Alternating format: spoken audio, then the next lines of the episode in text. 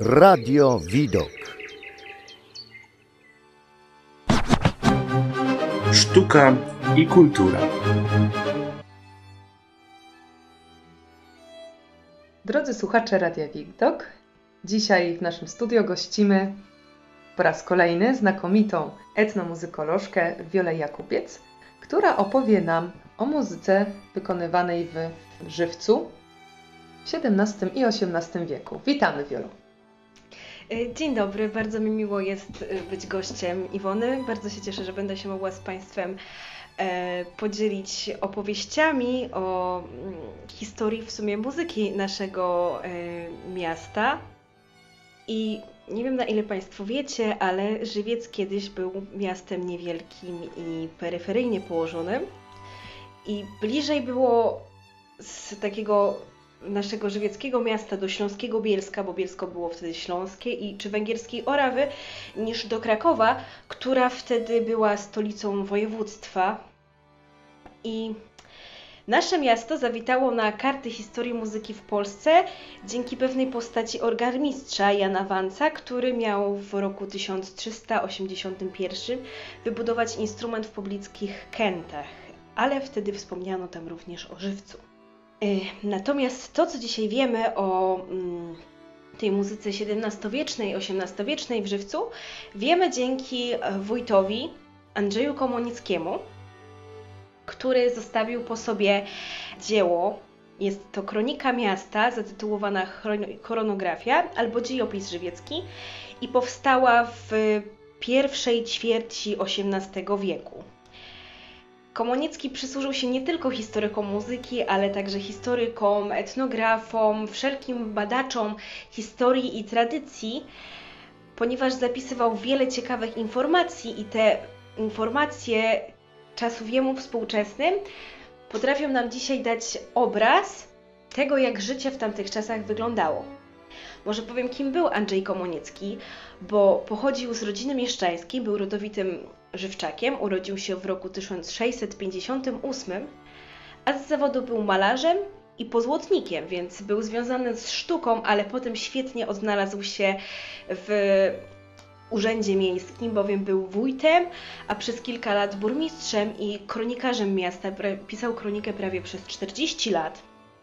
A do napisania swojej kroniki, tej wspomnianej chronografii, wykorzystał niezachowaną kronikę Andrzeja Kozaka z początku XVII wieku, księgi miejskie, dokumenty, umowy, testamenty, podania i legendy, więc wykonał ogrom pracy, który dziś pozwala nam posmakować tej historii. Z tego, co powiedziałaś, to Andrzej Komoniecki był malarzem i złotnikiem. Natomiast e, w takim razie, co go wiązało z muzyką i, i dlaczego tak obszernie opisywał historię muzyki naszego miasta? Komuniecki nie opisywał stricte historii muzyki naszego miasta. Nie był nią w ogóle w jakiś taki szczególny sposób zainteresowany.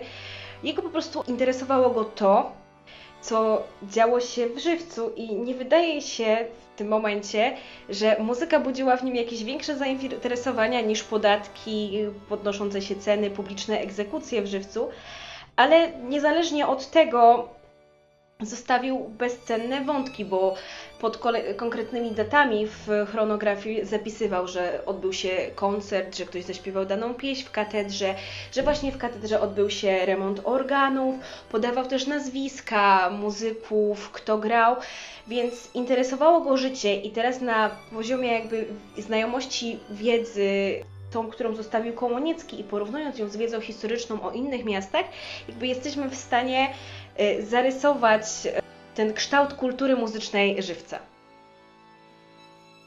A co to była za muzyka? Jak ją wykonywano? Gdzie ją wykonywano? Czy e, różniła się ona między warstwami społecznymi? Tak, no u Komonickiego znajdziemy takie trzy nurty, bowiem muzyka ludowa, której w sumie najmniej tam porusza, która była związana nie tyle z miastem Żywcem, co z okolicznymi wsiami. Muzyka religijna, przede wszystkim związana z katedrą i muzyka dworska związana z zamkiem, ale też jakby nie możemy wykluczyć tego, że te różne rodzaje się przenikały, no bo na przykład y, przejawy muzyki ludowej możemy gdzieś spotkać w muzyce kościelnej, przy Ganiesie takiej pieśni kościelnej i ludowej, na przykład w litaniach i pieśniach śpiewanych przy kapliczkach. Albo był ciekawy zwyczaj, że uczniowie szkoły parafialnej sporządzali takie instrumenty imitujące odgłosy ptaków i wydawali na nich odgłosy w czasie mszy na Boże Narodzenie. Czy to są te małe gliniane ptaszki, które dzisiaj sprzedają na przykład na tyg Tygodniu Kultury Beskidzkiej? Chyba nie te, raczej chodziło o instrumenty dęte drewniane, bardziej gwizdki i fujarki, aczkolwiek mm -hmm. niestety nie zapisał i nie możemy tego wykluczyć. -hmm. Ale był to ciekawy zwyczaj, występujący zresztą nie tylko tutaj w naszym regionie. A jeśli chodzi o muzykę ludową, no to niewiele jest takich tych wspomnień komunickich, gdzie muzykę możemy zakwalifikować stricte jako ludową. Raczej skupił się na y, tym, co działo się w katedrze czy w zamku. Widocznie uważał to za bardziej interesujące. A jeśli chodzi o muzykę sakralną, co śpiewano w katedrze żywieckiej? Y, no przede wszystkim prześpiewane różnego rodzaju pieśni, e, lamentacje, ponieważ kościół parafialny był ośrodkiem muzyki, e, ale nie tylko, ponieważ miał też taką rolę edukacyjną, ponieważ przy, mm, przy kościele często działała szkoła, gdzie y, nauczano śpiewu. Na przykład rektor miał obowiązek wykonywać z chórem, z cholarów pewnego rodzaju pieśni czy msze śpiewane, Komunicki podał, że już w XV wieku pojawiały się mieszczańskie zapisy na konkretne msze w kościele parafialnym i że były właśnie ze śpiewaniem. Śpiewano też nieszpory i psalmy. I obowiązki jakby związane z tym odprawieniem mszy i z tym śpiewem spoczywały na początku na proboszczu i wikarym, ale też na altarystach, czyli takich duchownych, których obowiązkiem było właśnie śpiewanie tej konkretnej mszy. I z tym się wiązały pewne opłaty, więc jakby Komunicki na bazie rachunków i ksiąg jakby zapisów twierdził, że właśnie od kiedy były te msze wykonywane i że się odbywały. E, no i właśnie w takim prześpiewanym uczestniczył rektor i ten y, chór, który był przez niego kierowany.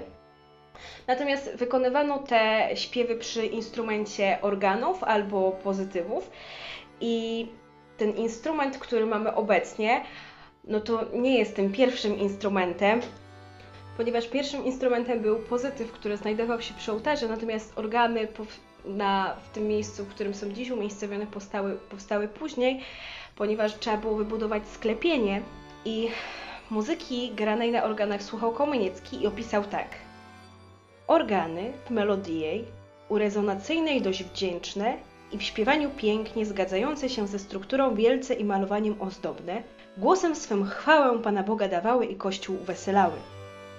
I to Komoński zapisał w roku 1706, natomiast były to jego wspomnienia, ponieważ w roku 1711 organy nadawały się już do remontu i Komonicki zapisał, że wskutek długiego używania żałobliwie głośno, jakoby płacząc i krzycząc głosy różne z siebie skrzypiące, przeraźliwie wydawał.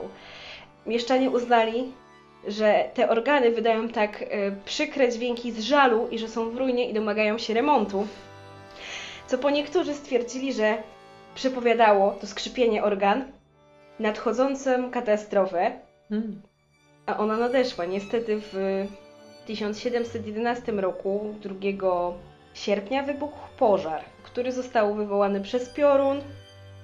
No i niestety dość duża część się spaliła, oczywiście organy całe spłonęły, ale nasi włodarze dość szybko podjęli decyzję o tym, by wybudować nowy instrument, ale też było przy tym problemu, bo gdy już znaleźli podwykonawcę Jana Głowińskiego z Krakowa, ten dość szybko zmarł i nie dokończył budowy instrumentów, więc musieli szukać kolejnego organ organimistrza, który podejmie się tej inwestycji. Ale ten znalazł się w roku 1714, był to Ignacy Rysiak z Opawy i zamontował aż 1545 piszczałek i trąb metalowych, nie licząc samych tych jeszcze drewnianych, które były jakby nie wliczane do tej sumy.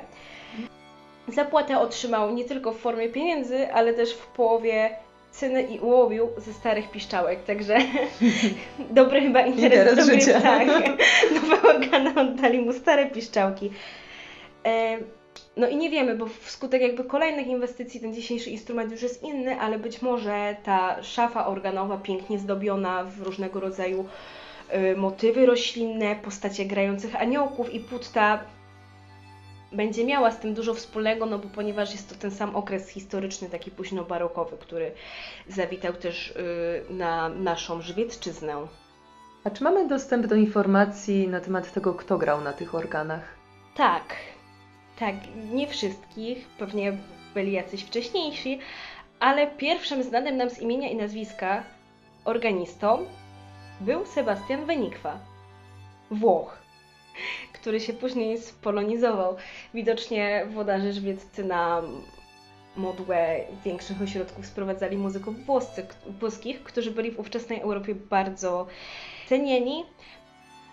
Syn tego organisty potem też grał, natomiast co jest ciekawe, to różnie bywało z płaceniem. Na ogół muzyka na posadę właśnie przyciągała płaca i zazwyczaj włodarze miejscy y, starali się o to, żeby ten organista chciał pracować i na przykład nie łączyli mu, jak to bywało w innych szkołach, e, pracy organisty i na przykład nauczyciela muzyki w szkole, tylko żywiecki organista często był tylko i wyłącznie organistą i miał się skupiać na graniu, ale co po niektórzy nasi możnowładcy różnie y, się z tym obchodzili i na przykład w 1619 roku pojawia się zapis Mikołaja Komorowskiego, który nie cieszy się dobrą sławą w żywcu i wpadł na pomysł specyficzny, bowiem przerzucił obowiązek płacenia muzyków z jego finansów na młynarzy. Także w pewnym momencie organistów i muzyków żywieckich utrzymywali młynarze z Trzebini, Jeleśni. Ale na całe szczęście się to zmieniło, bo później o rozwój muzyki bardzo dbała rodzina wielopolska. Dowiedzieliśmy się dużo o muzyce sakralnej, a jak to wyglądało w przypadku muzyki świeckiej, muzyki dworskiej? Na jakich instrumentach grano? Czy mm, na zamku w Żywcu była jakaś kapela? No, wydawać by się mogło, że była kapela. Zwłaszcza, że zamek był takim właśnie ośrodkiem muzyki dworskiej, co prawda powstał później niż katedra, więc jakby może e, zaczęło się tam dziać dużo dopiero w późniejszych latach, zwłaszcza za e, działalności rodziny wielopolskich, ale już właśnie za Komorowskich, za tego niesławnie wspomnianego Mikołaja, czytamy, że posłał po muzykę, więc lubiał się zabawić. Mhm. I, ale nie wiadomo, jak co muzycy grali za jego czasu.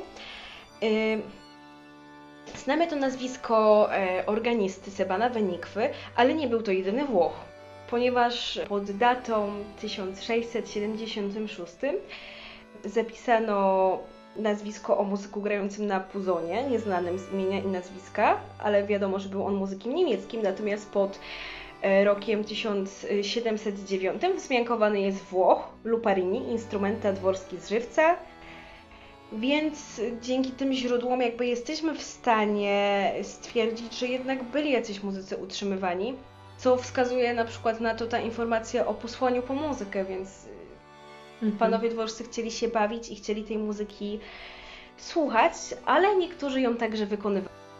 I co ciekawe, u Komonickiego możemy przeczytać, że w Wielką Środę wystąpiły w kościele dwie panie wielopolskie, starsza i młodsza, czyli Anna z Lubomierza, dziedziczka i Maria Wielopolska, córka dziedzica. I zaśpiewały lamentację proroka Jeremiasza. Komonicki również wspomina o tym, że sam Wielopolski grywał na skrzypcach. I było też tak, że ta muzyka dworska i kościelna się przenikała, bo na przykład kapela, y, która grała na mm, dworze, w której byli trębacze, skrzypkowie, dawała koncerty w kościele parafialnym, których słuchaczami byli mieszczanie. I właśnie ten obraz y, kultury muzycznej żywca jest o tyle zróżnicowany, że były te dwa ośrodki, które się przenikały. Z jednej strony ta muzyka religijna, sakralna, a z drugiej strony muzyka dworska, zabawowa i to daje pewną wyjątkowość tego y, naszego żywca. To bardzo cenne, że możemy e, w kronikach opisujących nasze miasto znaleźć bardzo dużo informacji w formie piśmiennej, a może zachowały się jakieś nuty? No niestety, ale nie mamy zachowanych nut. Na całe szczęście mamy te informacje, e, spisane przekazy i obserwacje Komonickiego. No nuty by były na pewno cennym źródłem dla muzykologów, ale nie zachowały się nuty, których grała kapela dworska. A może ich zachowały, ale jeszcze ich nie odkryliśmy. No, na pewno jest co jeszcze odkrywać w żywcu i szukać, a być może kiedyś dowiemy się pełniejszego obrazu tego, który już mamy. Bardzo Ci dziękuję, Wiolu, za, za tą e, interesującą rozmowę. Myślę, że dla naszych słuchaczy to będzie źródło bardzo wielu informacji na temat tego, jak wyglądała muzyka na Żywiecczyźnie i nie tylko wiązała się z folklorem, który jest dzisiaj tak szeroko rozpowszechniony w naszym regionie. Także bardzo Ci dziękuję. Dziękuję bardzo za rozmowę. Z Wiolą Jakubiec rozmawiała Iwona Sapeta.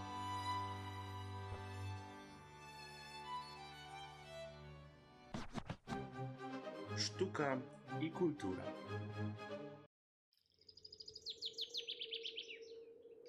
Radio Widok.